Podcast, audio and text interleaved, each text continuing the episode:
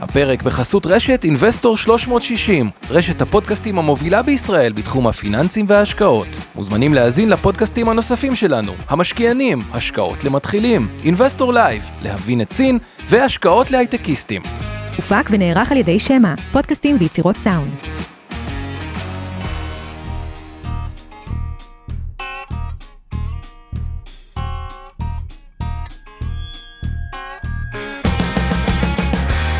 המשקיענים. אבנר סטפאק ועומר רבינוביץ' בשיחה חופשית על התחומים החמים ביותר בעולם ההשקעות.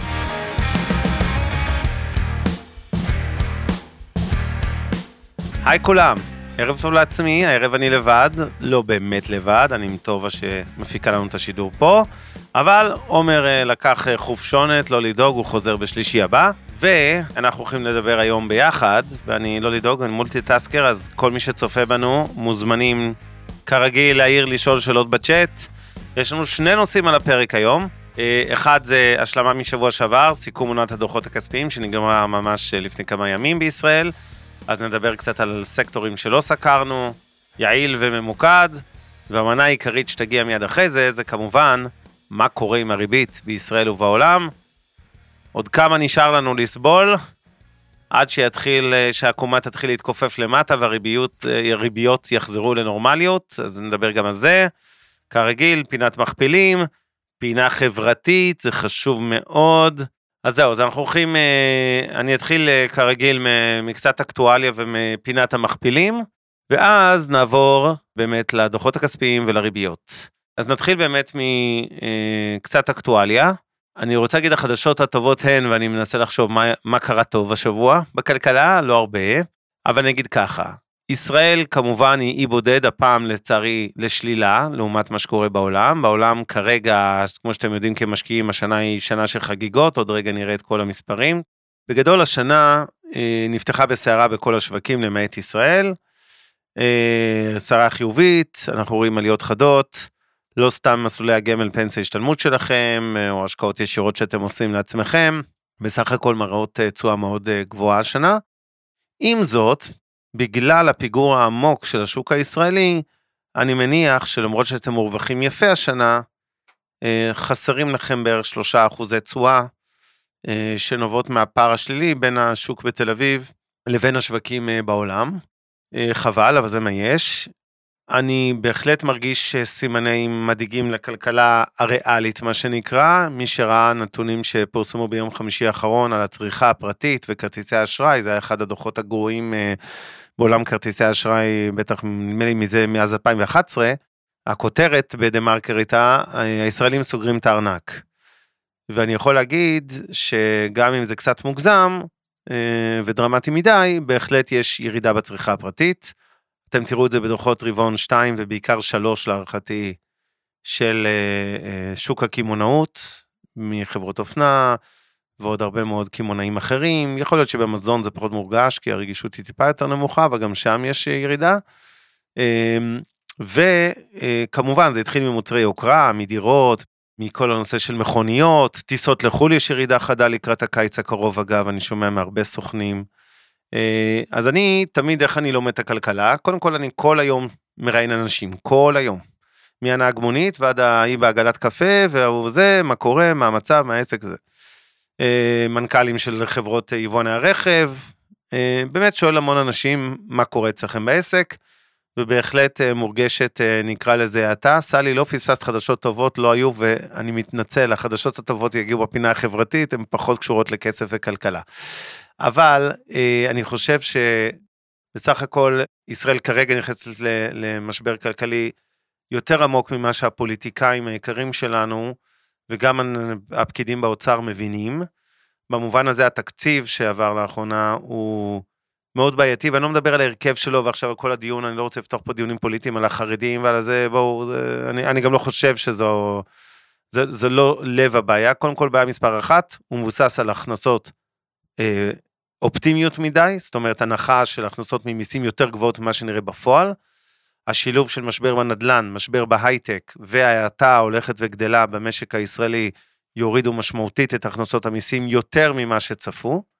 שתיים, צד ההוצאות, בלי קשר שוב להרכב ולכל הדיונים למי נותנים מה, הוא פשוט מנופח מדי, בהינתן צד ההכנסות, ולכן להערכתי התקציב הזה יהיה, ישבור שיא היסטורי של כמה מהר כבר אה, אה, אותה ממשלה שהעבירה אותו תקצץ בו בלית ברירה. אז אני חושב שכרגע אה, אנחנו בהתחלה של משבר מתרחב יותר, זאת אומרת אחרי תקופה שהמשבר היה רק בהייטק ורק בנדל"ן, ואני מזכיר את מה שאמרתי כמעט כל שבוע, או פעם בשבועיים לפחות פה, שזה עוד לפני הממשלה הנבחרת, לא משנה איזו ממשלה הייתה לנו עכשיו, שנת 23 הייתה אמורה להיות שנה הרבה פחות טובה מ-22 שהייתה שנת שיא, סייקל כלכלי טבעי של ירידה משנת אה, שיא של צמיחה של 6 אחוזים וחצי לאזור, להערכתי היה אמור להיות 3 וחצי, הבלאגן הנוכחי יוריד את ה-3 וחצי לבין אחוז לשניים כנראה, שזה לצערי אה, ירידה כבר מיותרת וחדה מדי. כמו שאתם יודעים, הדולר אה, מזנק, אה, הוא בערך גבוה ב-32 אגורות מהיציג הטבעי שלו. אני חושב שבסופו של דבר, אה, אני מקווה שהמשבר הפוליטי ייגמר מהר מספיק כדי שגם המשבר הכלכלי ייגמר בעקבותיו. באופן כללי, בהכללה, משברים פיננסיים וכלכליים בכל העולם וגם בישראל הפכו להיות קצרים יותר, אך אלימים יותר. זאת אומרת, אנחנו רואים תנודת V-shape כזה, כן, כמו האות V, של ירידה חדה, אבל הרבה פעמים התיקון הוא מהיר. אם תסתכלו על 2008, משבר אחד הגדולים בהיסטוריה, 2009 כבר תיקון מהיר, ב-2010 כבר הייתם מורווחים בערימות, גם אם נכנסתם דקה לפני הפיצוץ של הבועה ב-2008. אתם ודאי זוכרים את משבר הקורונה, שוב, שלושה שבועות של ירידות חדות בשווקים בכל העולם, ודקה אחרי זה עליות חדות שמהר מאוד החזירו את ההפסדים, ופלוס פלוס פלוס, כמו שאומרים. ולכן אה, בסך הכל העסק הזה עבד אה, די טוב, אה, די מהר. נתחיל מגרף השקל דולר. רואים פה שהשקל, נכון רואים, נכון? כן. לא הייתם מדמיינים לפני חמש או עשר שנים למה בכלל יש קשר בין הדולר ל-S&P 500, מה זה בכלל קשור. אבל אני אזכיר לטובת אלה שלא שמעו את ההסבר הזה בעבר, מה שקורה זה שאנחנו כגופים מוסדיים, מנהלי הגמל, פנסיה, השתלמות, ביטוחים שלכם, מחזיקים מניות בנסדק וב-S&P ובכל העולם.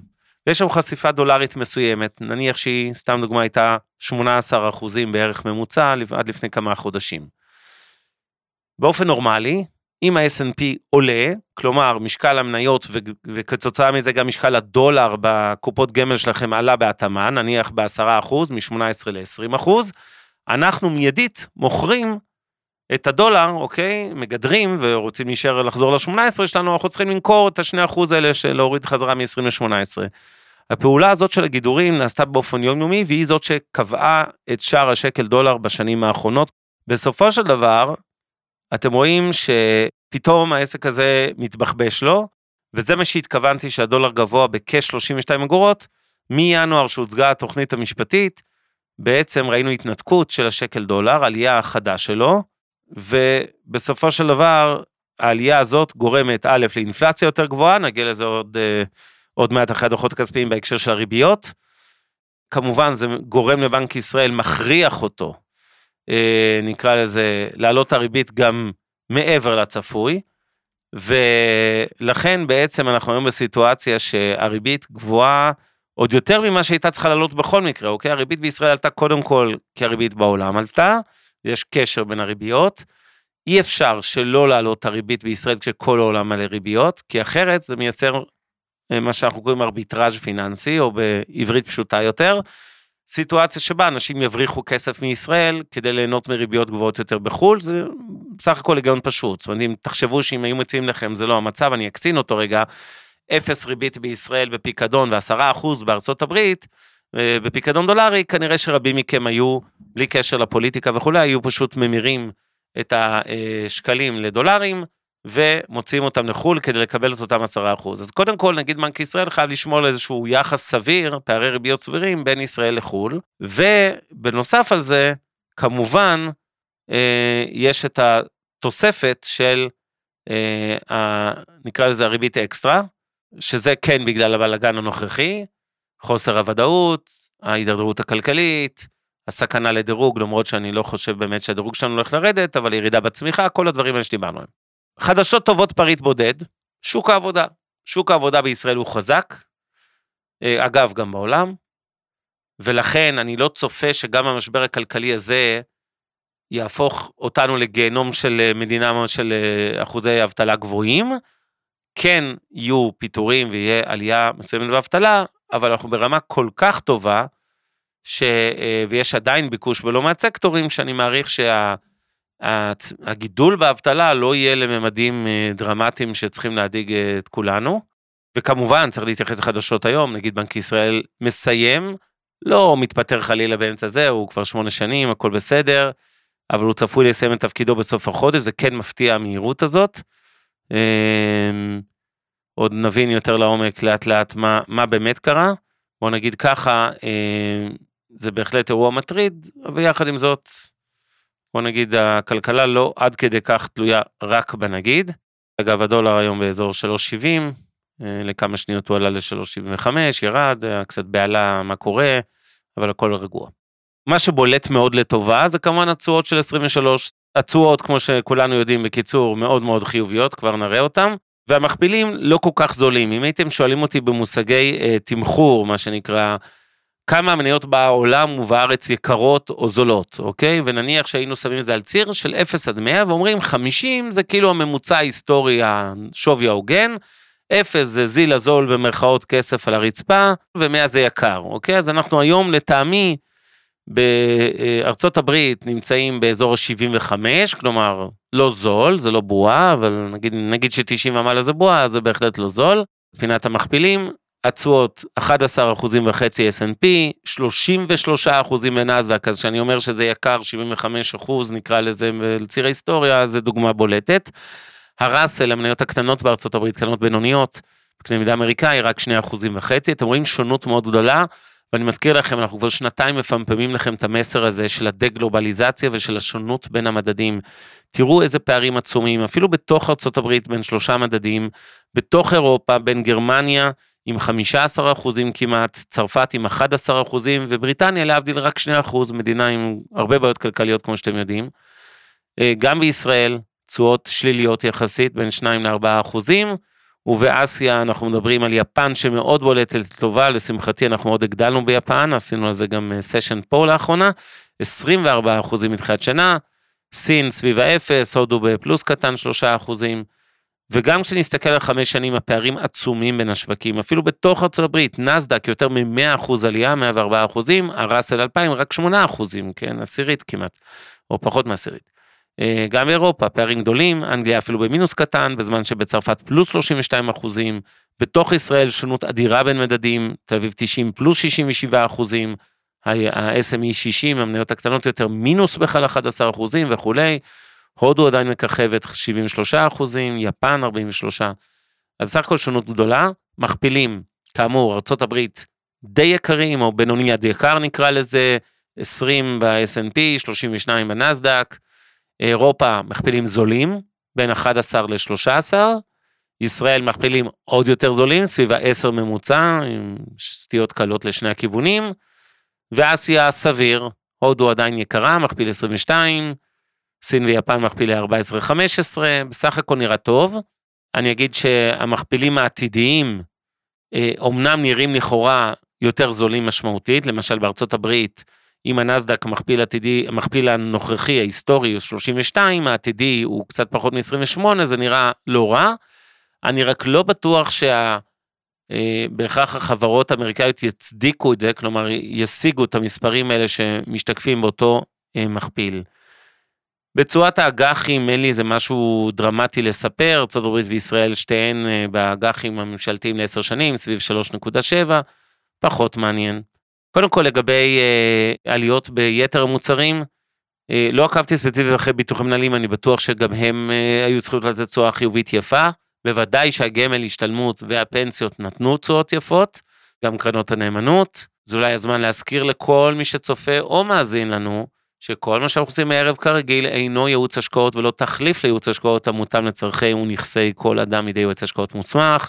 ואם אני מזכיר פה מניות ספציפיות, ואני בטוח אעשה את זה הערב, צאו מנקודת הנחה שאי שם בתיקי הלקוחות, תיקי ההשקעות וקרנות הנאמנות של אינבסטור 360 ושל מיטב, ובוודאי בקופות הגמל הפנסיה והשתלמות וקרנות הנאמנות ותעודות הסל של מיטב, אנחנו מחזיקים באותם ניירות ערך ולכן יש לי אינטרס כשאני מזכיר אותם. וזה לא ייעוץ פנסיוני ולא שיווק פנסיוני וכולי.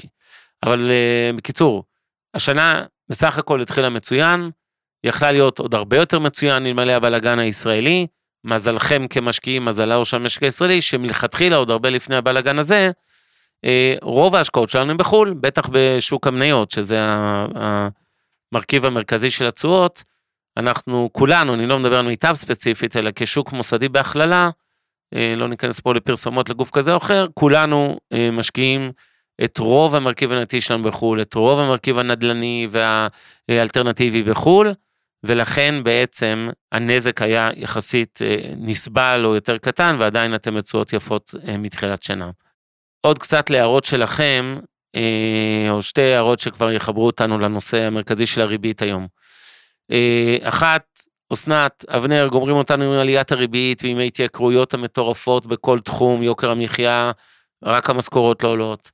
אז א', זה נכון עובדתית. אמרתי, יוקר המחיה מושפע גם מעליית אה, הדולר כמובן, זה גם תרם, העלייה העודפת הזה, אותם 32 אגורות. בסוף זה משתקף, אין מה לעשות, חלק מזה משתרשר לאינפלציה. כל הישראל היא מדינה שלא רק מייצאת הרבה, היא גם מייבאת הרבה, אנחנו מה שנקרא משק פתוח. זה שהמחיר, שהמשק הישראלי הוא משק פתוח, זה אה, גורס בהכרח, גורם לכך שיש אה, השפעה גדולה לדולר שמתחזק, ואין אה, מה לעשות, זה חלק מהעניין. צריך להביא בחשבון שלהערכתי הדולר ימשיך באופן יחסי להתחזק. אני אומר באופן יחסי, זאת אומרת, מעבר לגרף הזה של הקשר בינו ל-S&P 500, נגיד תנטרלו לי את זה, תגידו ה-S&P 500 ללא שינוי, הגורמים המקומיים שקורים בכלכלה הישראלית כרגע תומכים בהמשך עליית הדולר, אוקיי? מה שאומר שבאופן יחסי, ואולי חלילה גם אבסולוטי, מחירים ימשיכו לעלות. יש לנו שתי סוגי, שני סוגי אינפלציות בישראל, שגורמים גם לריבית, ששוב עוד מעט נעמיק בה, להמשיך לעלות כרגע. סוג אחד זה אינפלציית הסחורות, זו האינפלציה של 21-22, שאם הנפט בעולם עלה, או סויה, סוכר, חיטה, חלק זה מלחמת אוקראינה, רוסיה, חלק זה דברים אחרים, זה כמובן מגיע גם לישראל, אה, כל מה שתלוי באותם אה, חומרי גלם. האינפלציה החדשה יותר בישראל היא אינפלציית השירותים. זה הפסיכולוגית שעלתה מ-300-350 שקל, 450-500 לשעה, האוסית שעלתה גם היא, אה, מטפלים רגשיים, הספר שלוקח עוד 50 שקל על הצבע וכולי וכולי. הדברים האלה, אה, זה מה שאנחנו קוראים אינפלציה דביקה. היא לא יורדת, אוקיי? בשונה ממחירי הנפט שמחר ירדו, אז נראה את זה בהרבה מוצרים, כמובן גם במחירי הדלק למכוניות. בעולם הזה של אה, שירותים, האינפלציה היא יותר דביקה, ובדרך כלל מחירים לא נוטים לרדת, אלא אם כן יש ממש מיתון חריף, אבל אנשים כבר אין עבודה ואין ברירה, וגם הפסיכולוגים יצטרכו זה. כרגע יש ביקוש עצום למקצועות האלה, אתם יודעים את זה? וזה כרגע המצב, ושם אני לא כל כך אופטימי, אני יותר אופטימי על אינפלציית הסחורות והמוצרים, ופחות על אינפלציית השירותים. כן, מזל תמיר, אתה צודק, אני פטור מתשלום לספר, זה, אתם לא מבינים איזה חיסכון, זה עושר עצום, עצום, עצום, עצום. לפחות משהו אחד נחסך לי. ולגבי ההערה שלך, אופיר, על זה שהעלויות האלה הם לא משחק סומי אקספרס, אותו פסיכולוג שגבה עוד 100-150 שקל לשעה, הולך עם זה לסופר ומשלם ארנונה ומשכנתה, שוב, ברור שזה גלגל שמזין את עצמו. אבל גם כשהמחירים של הסופר והמשכנתה ירדו חזרה, כי הריבית תרד והסופר ירד, כי המוצרים נניח יירגעו, הפסיכולוג לא בטוח יוריד מ-450-500 שקל לשעה את המחיר שלו חזרה, אני די מהמר שהוא לא יוריד והוא לא יצטרך להוריד גם, מבחינת ביקוש. אז כרגע צריך להבין בחשבון שהאינפלציה היא בהחלט מרכיב משמעותי באירוע הזה. Uh, הסיכוי שהאינפלציה תרד ולא יהיה פיטורים, תראו, אמרתי, הדבר, יש שני דברים טובים במצב הזה אל מול המשבר הכלכלי בהתהוות של ישראל. אחד, שוק עבודה חזק, שתיים, רמת מינוף משקי בית יחסית נמוכה, אמנם היא עלתה מאוד בשנים האחרונות, אבל היא עדיין נמוכה אבסולוטית. אני לא חושב שיש פה איזו סכנה מיידית, או אפילו בשנתיים שלוש הקרובות, לפשיטות רגל המוניות במרכאות, אה, קריסות כלכליות, נקרא לזה, של משקי בית, אוקיי? כן, יש בעיה בשוק המשכנתאות, היא לא בעיה של הבנקים, לא לדאוג, היא כן בעיה של הלווים, לצערנו, וזה בעיקר הלווים של השנתיים, שלוש האחרונות, שקנו את מחירי הדירות די בשיא הבועה, לקחו את המשכנתאות, חלקם כבר, בר... או לקחו אותם ממש בשנה האחרונה בריביות שיא כל הזמנים פחות או יותר, כמו שהם היום, מעל חמישה אחוז אפילו בחלק מהטווחים, או שלקחו אולי לפני, נניח שלוש או חמש או שבע שנים משכנתה, אבל בריביות עם אחוז שמן של ריביות משתנות, ופתאום ה... 3,700 שקל שהחזירו לפני שלוש שנים, הפך להיות 5,200 או 5,400 היום, וזה כבר אה, כואב, התוספת הזאת של 1,500 שקל נניח, או 1,700 שקל לחודש, וזה פוגע בצריכה הפרטית, כי אנשים באמת חנוקים יותר, יוקר מחיה, ותצרפו לזה עליות מחירים של עוד דברים שהם לא רק המשכנתה, או השכר דירה למי ששוכר, אלא גם אה, מוצרי מזון וחוגים, וכמו שאמרתי, מטפלים וכולי. אין ספק שהקרקע הזאת היא בעייתית, יחד עם זאת, יש לנו איזה רשת ביטחון. א', כמו שאמרתי, אין מינופים מטורפים פה, גם בשוק המשכנתאות, אנשים לא קנו דירות ב-90% משכנתה, כי כמעט לא הייתה אופציה כזאת, חוקית, כמו שאתם יודעים, אפשר 75, יש כאלה שעשו מה-25 הון חלקו כל מיני הלוואות אחרות, אבל בגדול, לא עשו. עכשיו אני רוצה להתייחס לשאלה שלאה העלתה פה, והיא שאלה שהמון אנשים שואלים אותי ביממה, תגיד, כדאי לי לפרוע חובות, להחזיר משכנתה, אה, אני אגיד שהמון כסף יוצא מקופות הגמל וקרנות ההשתלמות, כסף שהוא כבר נזיל כמובן, לא, אנשים לא רוצים לשבור אה, קופת גמל, אבל הולכים להחזיר איתם הלוואות שהתייקרו להם. אז במובן הכלכלי נטו, אני לא מדבר על, יש לפעמים טעמים פסיכולוגיים ואחרים שאנשים יעשו דברים כאלה, במובן הכלכלי נטו, התשובה היא שכל עוד נכסים שאתם משקיעים בהם מייצרים תשואה עודפת על עלות המימון, במילים אחרות, עלות המימון שלכם זו אותה ריבית שאתם משלמים נניח על משכנתה, אז אם אתם משלמים היום נגיד ממוצע למשכנתה שלכם, אני סתם ממציא 4.5% לשנה. בסדר? שילוב של קל"צ עם פריים, עם משתנה, נניח שזה דוגמה, היא אגב די מציאותית להרבה אנשים. אם הכסף הזה, הכסף הפנוי שלכם יושב במניות ועושה 7, 8, 9 אחוז לשנה, אני מדבר נטו אחרי העלויות אבל לפני מס, ואתם אומרים אוקיי, אה, יש מספיק פער בין התשואה שאנחנו מייצרים על הכסף ביד ימין אל מול העלות של הדבר הזה ביד שמאל, שזו אותה עלות הלוואה שיכולתם לסגור אותה, אז התשובה היא שכן, זה סביר להישאר גם עם המינוף וגם עם ההשקעה. ככל שאתם משקיעים סולידים יותר, זה הופך פחות ופחות הגיוני להשאיר את ההשקעות האלה, נכון? כי לא הגיוני לדוגמה שמישהו ישאיר כסף בקרן כספית או בעו"ש או בעזבו עו"ש, עו"ש זה בלי ריבית, אבל נניח פיקדון ב-4-5 אחוז, כשהוא משלם ריבית דומה ולפעמים גבוהה יותר במשכנתה או בהלוואה. אז בדרך כלל תהיו ערים להלוואות הצרכניות, דווקא המשכנתאות הן בדרך כלל הלוואות יחסית זולות, עם כל זה שהן התייקרו, הן עדיין זולות. הלוואות יקרות זה הלוואות שתיקחו מחברות כרטיסי אשראי, מאשראי חוץ בנקאי, אגב, חלק מההלוואות של הבנקים הן יקרות, הלוואות שלא של משכנתה, הלוואות בחשבונות הרגילים, של, הרגילים שלכם. ואת אלה בהחלט צריך לבדוק, ויש לא מעט אנשים שעדיף להם להיפרד לפעמים מהשקעות, לטובת הקטנת מינוף של משק הבית. זה לאה, אז אני חוזר לסיכום, זו שאלה מאוד אישית, והיא מאוד תלויה באופי ההשקעות שלך, לא פחות, ובטווח הזמן של ההשקעות שלך, ולא רק אה, בשאלה אם עכשיו הריבית גבוהה צריך לזה, כי אני, אני אקדים, אני אעשה ספוילר להמשך הערב, הריביות לא הולכות להישאר ברמות, הן אמנם עוד יעלו, לא הגענו לשיא, אבל הן א', לא רחוקות מהשיא, ב', הן לא הולכות להישאר שנים ברמות האלה ומעלה. אה, גם שאני פסימי לגבי קצב הורדות הריבית, לעומת מה שהשוק והכלכלנים האחרים חושבים בישראל, אני עדיין לא חושב שהריבית בעוד שנה, שנה וחצי מהיום תהיה דומה או גבוהה יותר להיום, אני חושב שאנחנו כבר נהיה במקסימום כמו היום, כשבדרך עוד נעלה, וסיכוי סביר שגם פחות מהיום. טוב, נגיע עוד רגע לריבית, אני רק חייב לכם חוב קטן אה, משבוע שעבר. וזה כמה תובנות מהדוחות הכספיים. אז דיברנו בשבוע שעבר על הבנקים עם הכוכבים הגדולים, ללא ספק, תשואות מטורללות. אני כל הזמן מזכיר, אומר את זה, מסכנה דיפלומט. איזה חברה מסכנה שמרוויחה, לא יודע, 80 מיליון שקל לשנה, אני אומר את זה, סליחה על הזלזול הציניות, זו חברה טובה, כן? אבל זה כאילו, אתה אומר, כמה נטפלו אליה, כמה תקשורת על ה... כל היבואני מוצרי צריכה המסכנים האלה, כאילו הם חגגו פה על הציבור ועשו איזה רווחי עתק. בסוף, חבר'ה, הדוחות לא משקרים. אף אחד לא מגלגל שם מיליארדים על חשבון הציבור בשמפואים ובקולגייטים ובכל המוצרים האלה עד כדי כך.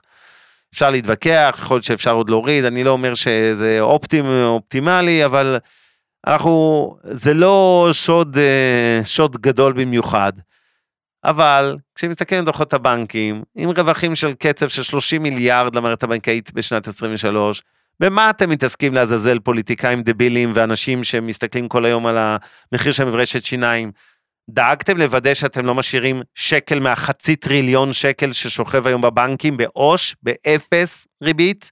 חשבתם כבר איך אתם מעבירים את זה משם דחוף למשהו שמייצר ריבית? איך אתם מרימים טלפון לבנקאי ומוודאים שחוץ מאיזה סכום קטנצ'יק של ניהול שוטף של אלפי שקלים, של עשרת אלפים שקל שאתם רואים נגיד כמה אלפי שקלים לעניין של כרטיסי האשראי והנכנס משכורת יוצא משכורת לא רוצים להיכנס למינוס בצדק.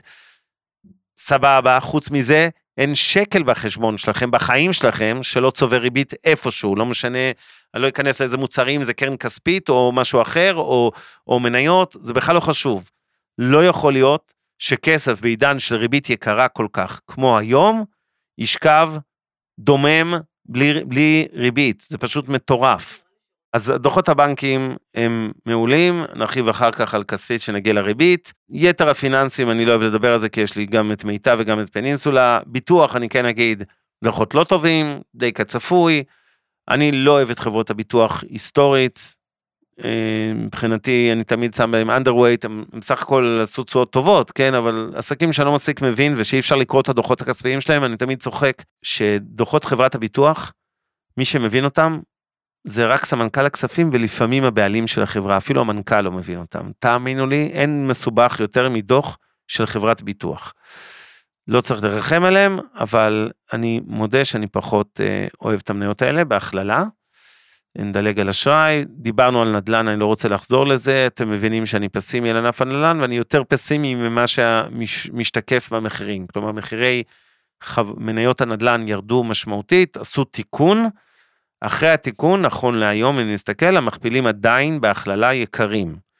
מניות הקמעונאות, אתם רואים, פוקס חטפה, דלתא חטפה, טרמינל X ירדה ב-67%, זה הכל ב-12 חודשים האחרונים, קסטרו מינוס 57% בשנה החולפת, אה, פוקס זה מינוס 26, זאת אומרת, זה מספרים דרמטיים.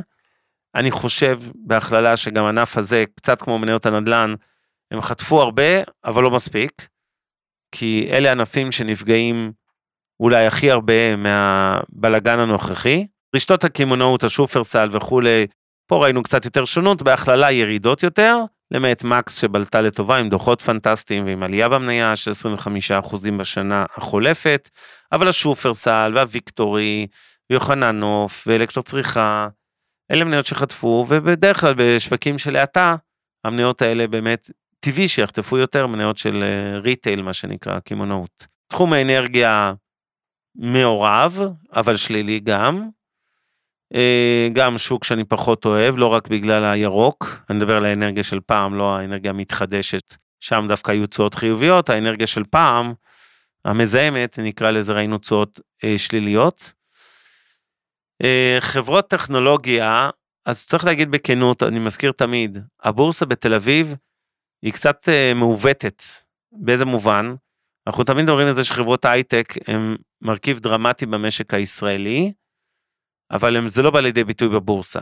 רוב החברות שנסחרות בתל אביב באזור הטכנולוגיה הם לא חברות הייטק.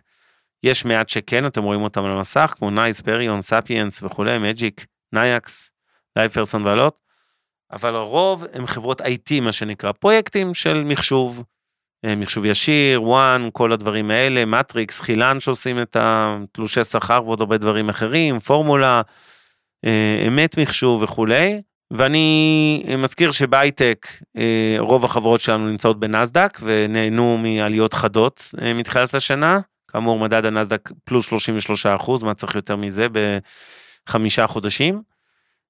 אבל חברות הפרויקטים, שרואים אותם פה על המסך, שעדיין אין להם דוחות טובים, הרבה מזה זה צבר עוד מתקופת הקורונה, שכל החברות נכנסו לאיזושהי היסטריה של פיתוח ולהאיץ דיגיטציה וכולי, אני לא בטוח שלא אה, נראה שם האטה מסוימת גם כן, בגלל החולשה של המגזר העסקי, אני מניח ש, שזה פשוט בדיליי מסוים בחברות האלה, אנחנו נראה ירידה בהכנסות וברווחים, או, או בטח ירידה בקצב העלייה, זה בטוח, יכול להיות שגם ירידה אבסולוטית של ממש, כי אין מה לעשות, לאט לאט המגזר העסקי נכנס לסוג של האטה, אה, אולי חלילה גם מיתון בהמשך, ובמצב כזה מן הסתם ישקיעו פחות על הפרויקטים האלה ויקצצו גם בזה, כמו שמקצצים בהוצאות שיווק וספקים אחרים. אה, מוליכים למחצה כמו טאו, זה, זה תחום שהוא מאוד עם שונות גדולה בין החברות, תחום עם uh, סייקלים uh, מאוד ארוכים ותנודתיים, מחזורים עסקיים כאלה של עליות וירידות ארוכים, צריך להיות מאוד מומחה בשביל להשקיע בחברות semiconductors, או מוליכים למחצה בעברית, ואני פחות אה, מבין בזה, אני מודה. אה, לקראת סיום הדוחות, מסחר ושירותים, אז שוב, גם פה יש פערים, קחו את תחום הרכב, דלק רכב מינוס 19 אחוז, קרסו פלוס 15 אחוז.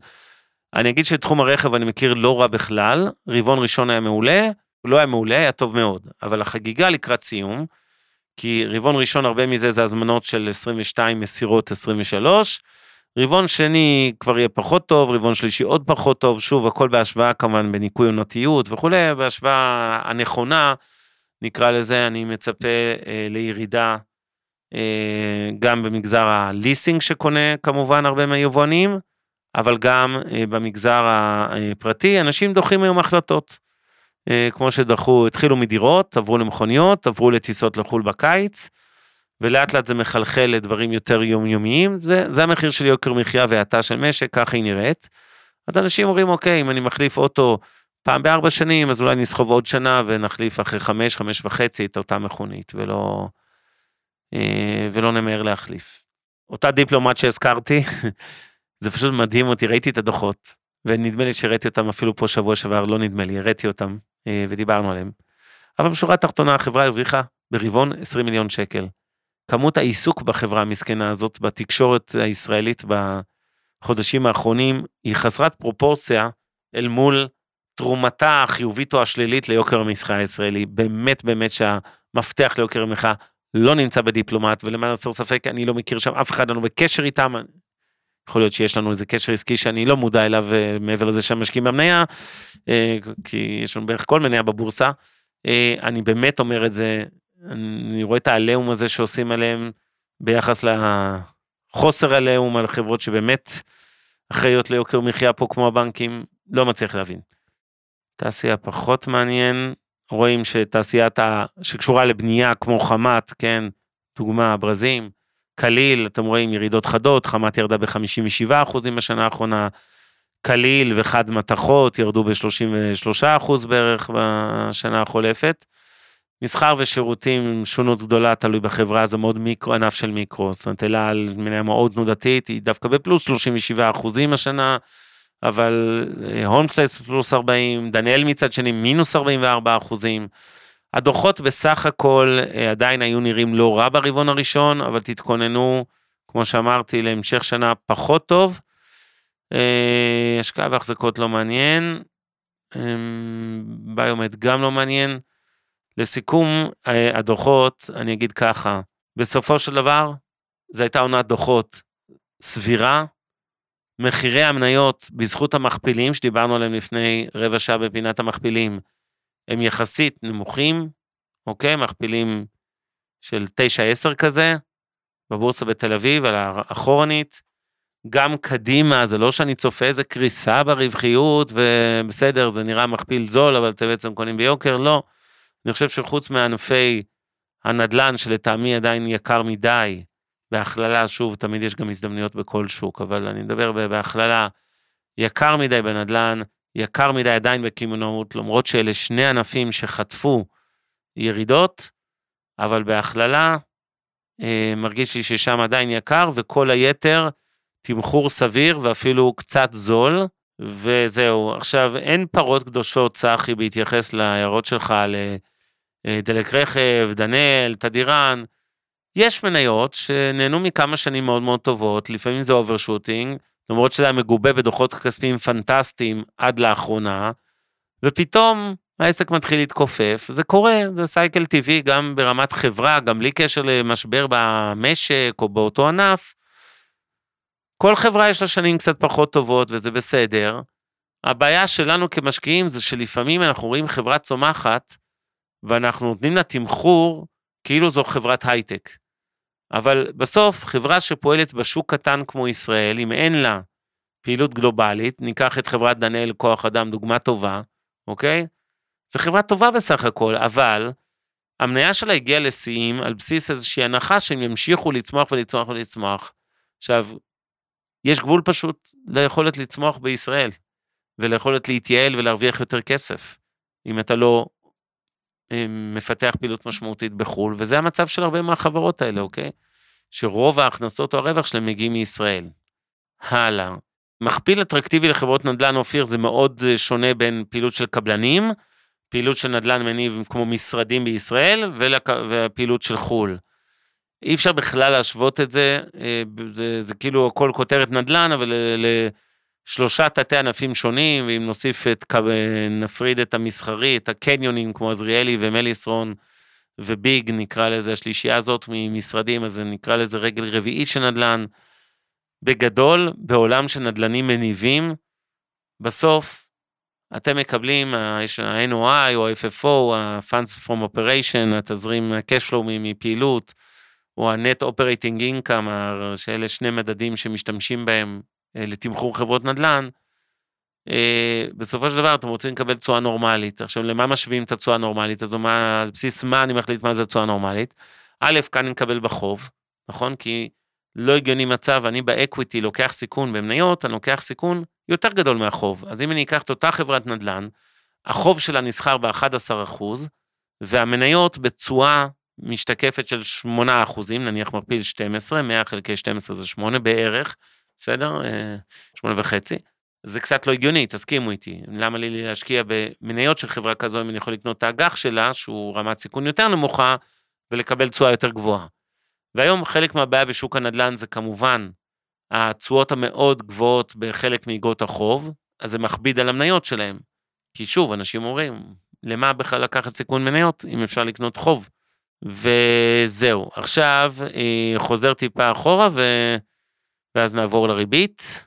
סלי, בשני משפטים, קרן כספית זו קרן נאמנות שקלית מאוד סולידית, היא משקיעה בפקדונות, בניירות ערך מסחריים ובעיקר באגרות חוב ממשלתיות קצרות כאלה מכ"מים. יש לה פשוט יתרון לגודל על המשקיע הפרטי, כי היא יכולה להיות 2, 3, 5 ו-10 מיליארד שקל, היא כוח קנייה גדול, כמו לקוח ענק. אז היא, אה, כן, כזו אפשר לקנות בכל בנק אה, וכל חבר בורסה, בין ראשון לחמישי, אפשר למכור אותה כל יום, זה, אתם לא סוגרים את הכסף כמו איזה פיקדון לשנה. בדרך כלל הריביות שם, התשואות הפנימיות של הקרנות האלה יותר גבוהות מהריביות בבנקים, ובנוסף יש יתרון מיסויי בקרן כספית, כל עוד האינפלציה היא גבוהה, מאחר ומשלמים 25% מס על הרווח הריאלי, אוקיי? אז זה אומר שאתם הרבה פעמים, כל עוד נגיד אם מקבלים 5% מהקרן ו- ויש אינפלציה של 3%, משלמים נניח 25 על ה-2%. היום כשהאינפלציה היא בקצב של 5, אז אנחנו משלמים, אה, לצורך העניין, משלמים אה, אה, אולי 0 אפילו, נכון? כי אנחנו במצב של 5 פחות 5. בפיקדון, כמו שאתם יודעים, המיסוי הוא נומינלי, כלומר אתם משלמים 15% על הריבית שקיבלתם, קיבלתם 4%, הנטו 3.4. וכל האמור אינו המלצה להשקעה בקרנות נאמנות ולא תחליף לרכישת יחידות בקרנות אה, על פי תשקיף ועל ידי יועץ השקעות מוסמך. הערה אחרונה שאני אתייחס אליה, שתי הערות אחרונות וריבית.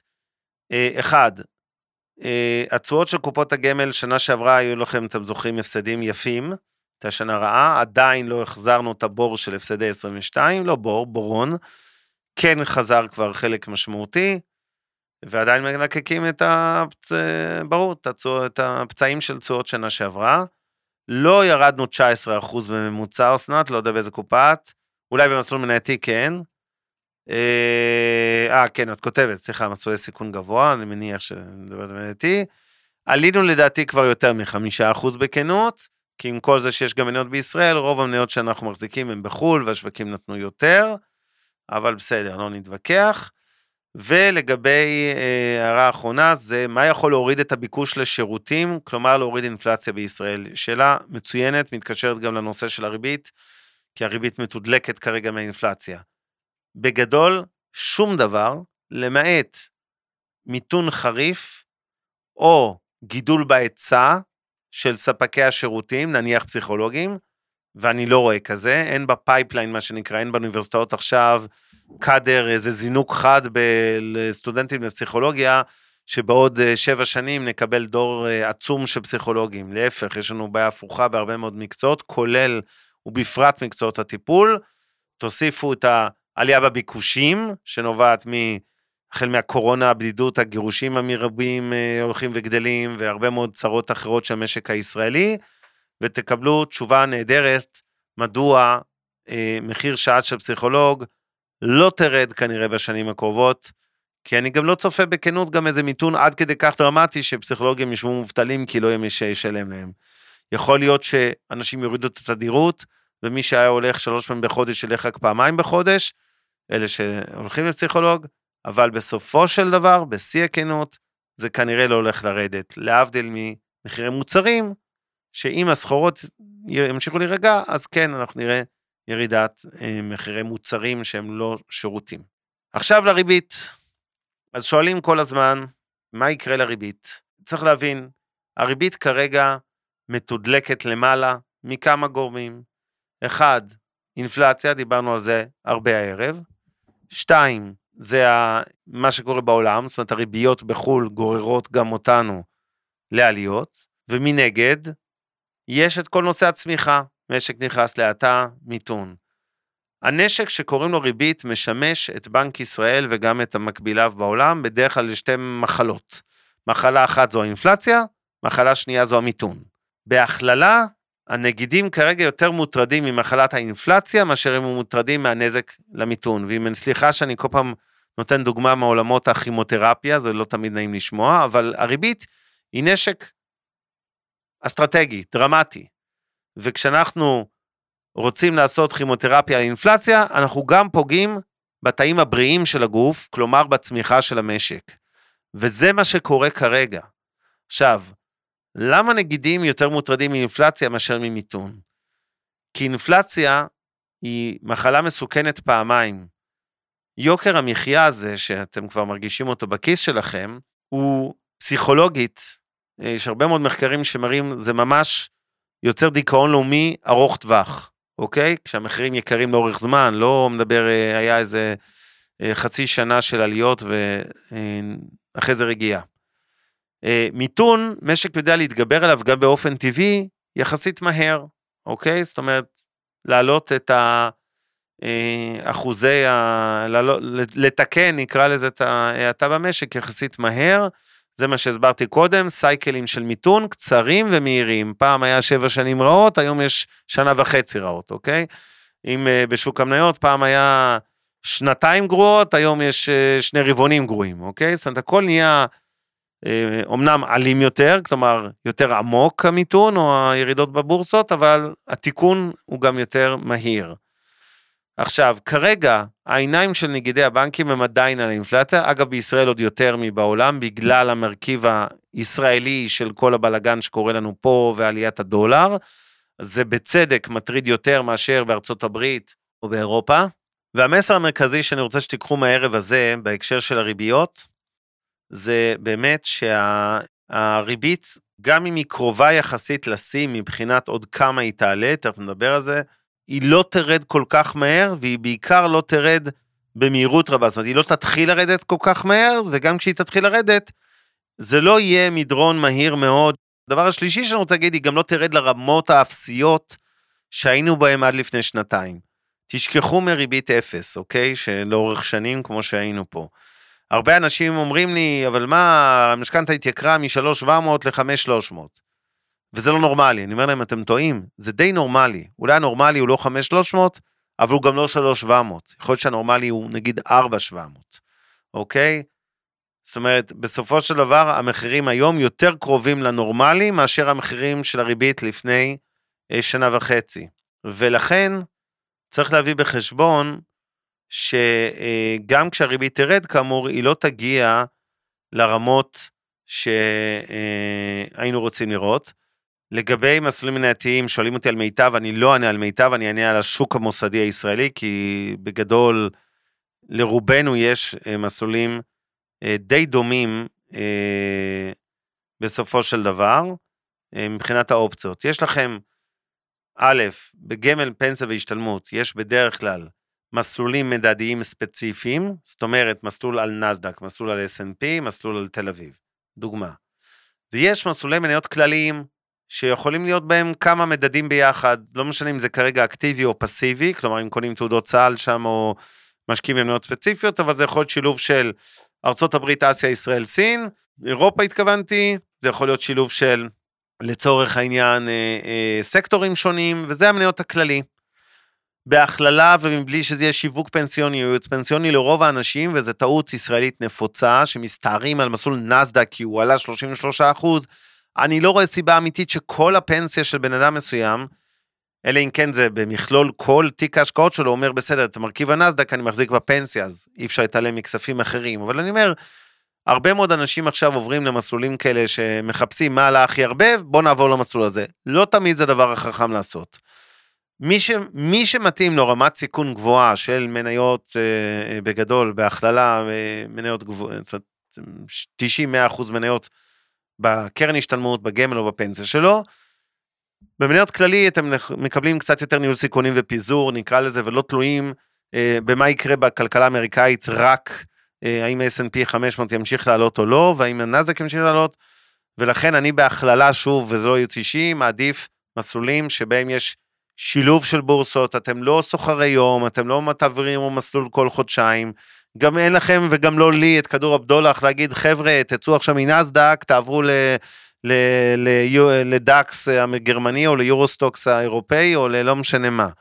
אין לנו את היכולות האלה, אני פחות אוהב את ה... להמר על מסלול כזה ספציפי, יותר אוהב את המסלולי מניות הכלליים נקרא להם ככה, שלא תלויים בבורסה ספציפית, וזה מה שאני בהכללה אה, מעדיף. וכמובן בפנסיה צריך לזכור, יש את הרדים, את האג"חים שהממשלה מסבסדת בצמוד פלוס 4-8, שזה כמובן יתרון של הפנסיה, זה גם, זה אומר שאין באמת 100% מניות במסלול המנייתי אה, וכולי. אה, לשאלה של מיכאל, האם קיים, האם קיים סיכון בקרן כספית? קודם כל, אין דבר שאין בו סיכון. אין, לא קיים. יחסית, קרנות כספיות זה סיכון מאוד נמוך בהשוואה לאפיקי השקעה אחרים. כי הם כמעט לא נוגעים באשראי של חברות, בשולי שוליים יש מה שנקרא נע"מים, זה נהיה ערך מסחרי, זה אשראים מאוד קצרים וזה אחוז קטנצ'יק מהתעשייה של קרנות כספיות. המסה הקריטית זה מכרזי פקדונות בין בנקים, כשבאים עם חמישה מיליארד אתם מבינים שמקבלים ריבית יותר גבוהה מאשר מי שמגיע עם 100 אלף שקל למשא ומתן על פיקדון, ואיגרות חוב ממשלתיות, אותם מכ"מים, מלווה קצור מועד וכולי. מי יהיה הנגיד הבא של בנק ישראל? סלי שואלת. יש פה קרב מעניין. יש את מציא, אלה שמציעים את uh, דודי אמסלם, ויש את אלה שמציעים אותי עם החולצת דרדסים שלי, מי שלא ראה. אז אה, אתם מוזמנים להצביע בצ'אט, מה אתם מעדיפים, דרדסבא או את אה, אמסלם? דרדסטפאק או אמסלם. בכל מקרה, ברצינות, בכנות לא עקבתי בשעות האחרונות על כל בורסת ההימורים יחליף אותו. אבל אנשים טובים לא חסר, למזלנו. וכן, יש סיכונים, וסלי, אני מסכים גם איתך, סתם לא בא לי לפתח דיונים פוליטיים עכשיו.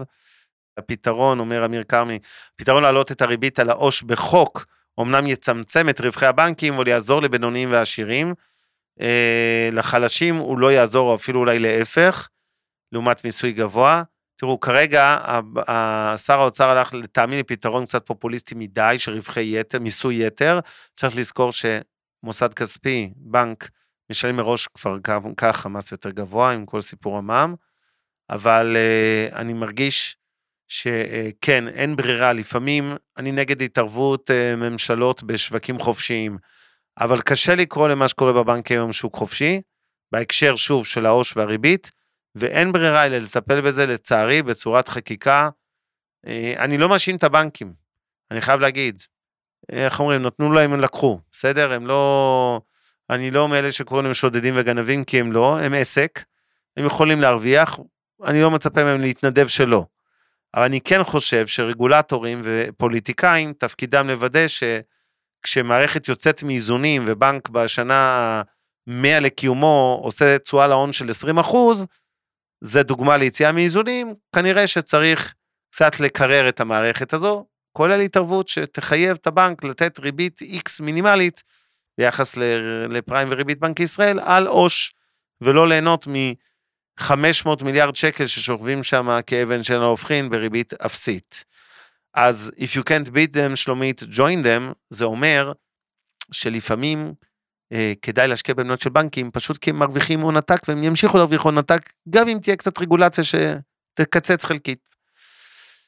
אה, כן, בדיוק, אמר אופיר, אתה יודע מה, דוגמה מעולה, סליחה, אני גונב לך, אופיר לוי, עם מחירי הלחם בפיקוח, למה ריביות בבנקים? לא. וזה משפט מאוד חכם, חוזר למה שאמרתי על דיפלומט, מתעסקים לנו פה בפיקוח על מוצרי יסוד, על חלב ולחם בצדק, כן? אבל בחייאת זום זום, אנחנו מוצאים פי אלף יותר כסף על הריביות האלה, אגב, גם על ההלוואות, אוקיי? אה, אפרופו שכבות חלשות, ולכן צריך אה, לטפל בבעיה הזאת, כי הבנקים לא עשו את זה לבד, ושוב, אני לא כועס עליהם. יאללה, אז הריבית לאן? אז קודם כל יש לכם פה את הריבית בארצות הברית. אה, הצפי הוא שהריבית תישאר, המצב קצת השתפר, אבל לפני שלושה חודשים הייתי מראה לכם את הגרף הזה, מה אמרו השווקים? אתם הנגידים אומרים לנו שהריבית תהיה גבוהה, אתם לא יודעים בכלל שאתם יכולים להוריד אותה. ולכן כל הזמן הייתה אופטימית יתר, שכאילו השווקים, הקונצנזוס אנליסטים, מסכים עם הנגידים לשם שינוי שעד סוף שנה הריבית תישאר על 5-1, אבל הרבה יותר אופטימיים הנגידים לגבי שנת 24, ואומרים לנו, במהלך 24 הנגידים אומרים נוריד את הריבית ב-0.8, האנליסטים אומרים לא, אתם תורידו באחוז וחצי. אני בשיא הכנות, כמו שאמרתי לכם בעקביות כבר לפחות חצי שנה, אם לא יותר, ממשיך להאמין לנגידים ולא לאנליסטים. כלומר, אני חושב שהריבית תרד יותר לאט ממה שהשווקים מגלמים ומניחים, אוקיי? צריך לזכור, הריבית סך הכל גם לא עלתה מעל גובה האינפלציה, יש לכם פה גרף שמראה את אינפלציית הליבה לעומת ריבית הפד, אוקיי? זה, האינפלציה זה הסגול, הפד כתום, אתם רואים איזשהו מתאם די סביר ביניהם, והאינפלציה רק עכשיו התחילה להתקרר בעולם, ועדיין לא התחילה להתקרר בישראל. כמובן, שוק האג"ח, יש מתאם אה, ביניהם. יש לכם פה כל מיני דוגמאות מההיסטוריה, שמראות מה קרה לעקום התשואה של איגרות החוב לטווחים שונים. כשהריבית הגיעה לשנה, ומה קרה לזה אה, בשנה העוקבת, כשהריבית הגיעה לשיא, הכוונה ריבית בנק ישראל או ריבית הפד במקרה הזה, ומה קרה בשנה העוקבת. ואתם יכולים לראות בטבלה מימין תופעה מאוד מעניינת במשברים כאלה של עליות ריבית, באגרות חוב הארוכות, אחרי המשבר, היו עליות חדות, זה נראה כמעט כמו מניות, עליות של אה, ב-2018 זה 40 אחוז, ב-2006 12 אחוזים, ב-84 91 אחוזים, עליות שוב, זה אג"חים ל-30 שנה, זה סיכון גבוה, זה לא, זה, זה כבר מתקרב למניה. עקום התשואות בארצות הברית התהפך, כלומר, במילים אחרות, כמו שאתם מכירים ממשכנתאות או מסתם הלוואה, כשאתם לוקחים הלוואה לשנה, הריבית יותר נמוכה מאשר ל-10, 20 או 30 שנה, נכון? זה אמור לעלות ככל שהטווח גדל. אתם רואים היפוך מגמה בארצות הברית. בהלוואה קצרה, תשלמו היום מעל חמישה אחוז, בעוד שבהלוואה ל-30 שנה תשלמו קצת פחות מארבעה אחוזים. למה זה קורה? כי יש באמת הנחה שהריבית עומדת לרדת, וכרגע, בטווח הקצר היא עדיין גבוהה, אז לכן יש לנו איזשהו מצב של היפוך חריג, נקרא לזה בעקום התשואות, אוקיי? רואים את זה גם פה, בפער שבין אה, ריבית לעשר שנים מול שלושה חודשים. אה, אוקיי? הספרד שלילי, אתם רואים שהוא רוב השנים נע בין אחוז לארבעה אחוזים, כלומר הריבית לעשר שנים הייתה גבוהה באחוז, שניים, שלושה, ארבעה אחוזים, לעומת הריבית לשנה, או לשלושה חודשים ליתר דיוק, ועכשיו באופן חריג הריבית לשלושה חודשים, אוקיי, היא יותר יקרה באחוז וחצי, שניים, מאשר הריבית לשנה. אז אני אה, אתייחס לעוד כמה שאלות ו, אה, ואז ניפרד כידידים. אני רק אגיד להערה מ... whoever you are לגבי אנליסטים, קראתי שאנליסטים צופ... של בנקים בחו"ל צופים uh, שנראה ירידה של 15% ב-S&P 500. Uh, האם לאור האמור צריך להעריך מח"מ, משך חיים ממוצע של אגרות החוב? אז קודם כל, את המשפט, אנליסטים צופים ירידה של 15% ב-S&P, זה בערך כמו שאני אגיד שאני צופה שהטמפרטורה בחודש יולי באילת תעמוד בממוצע אה, על 32 מעלות. למה ככה?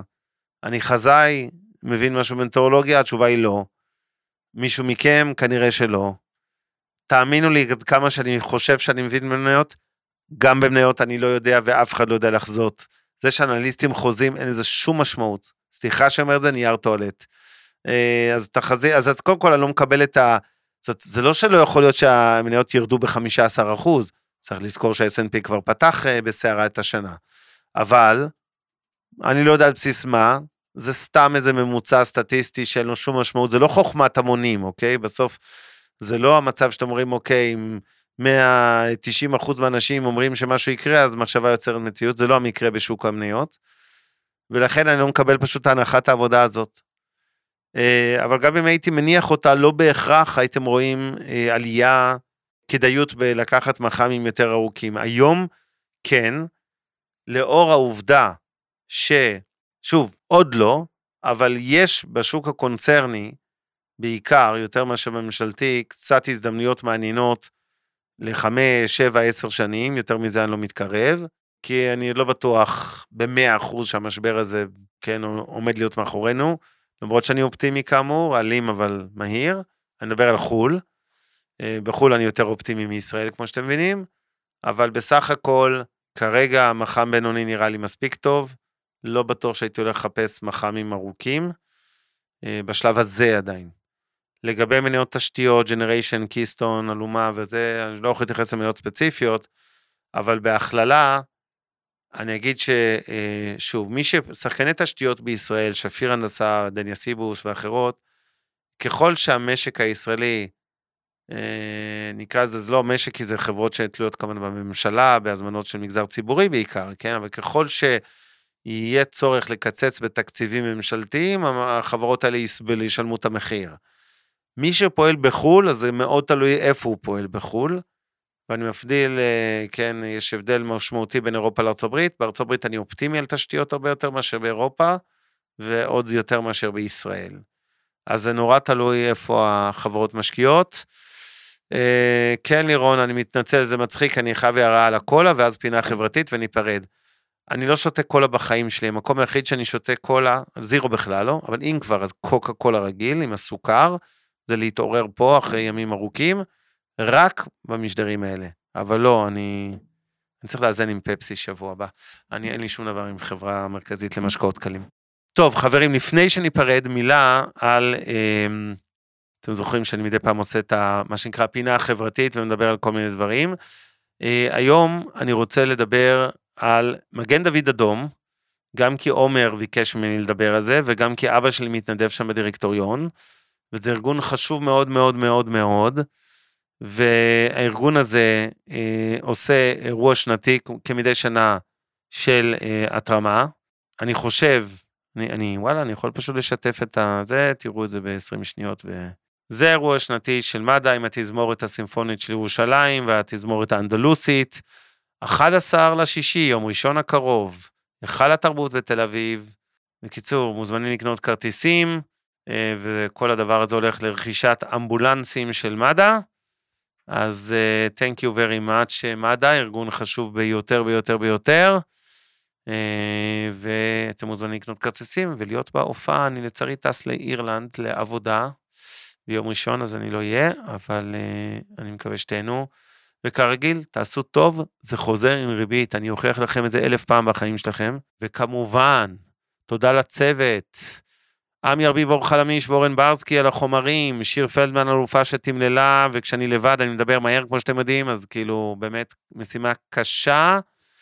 וטובה שיושבת איתי כאן על ההפקה, לילה טוב לכולם ותודה רבה. מעוניינים ללמוד יותר על עולם ההשקעות? האזינו לפודקאסטים נוספים שלנו.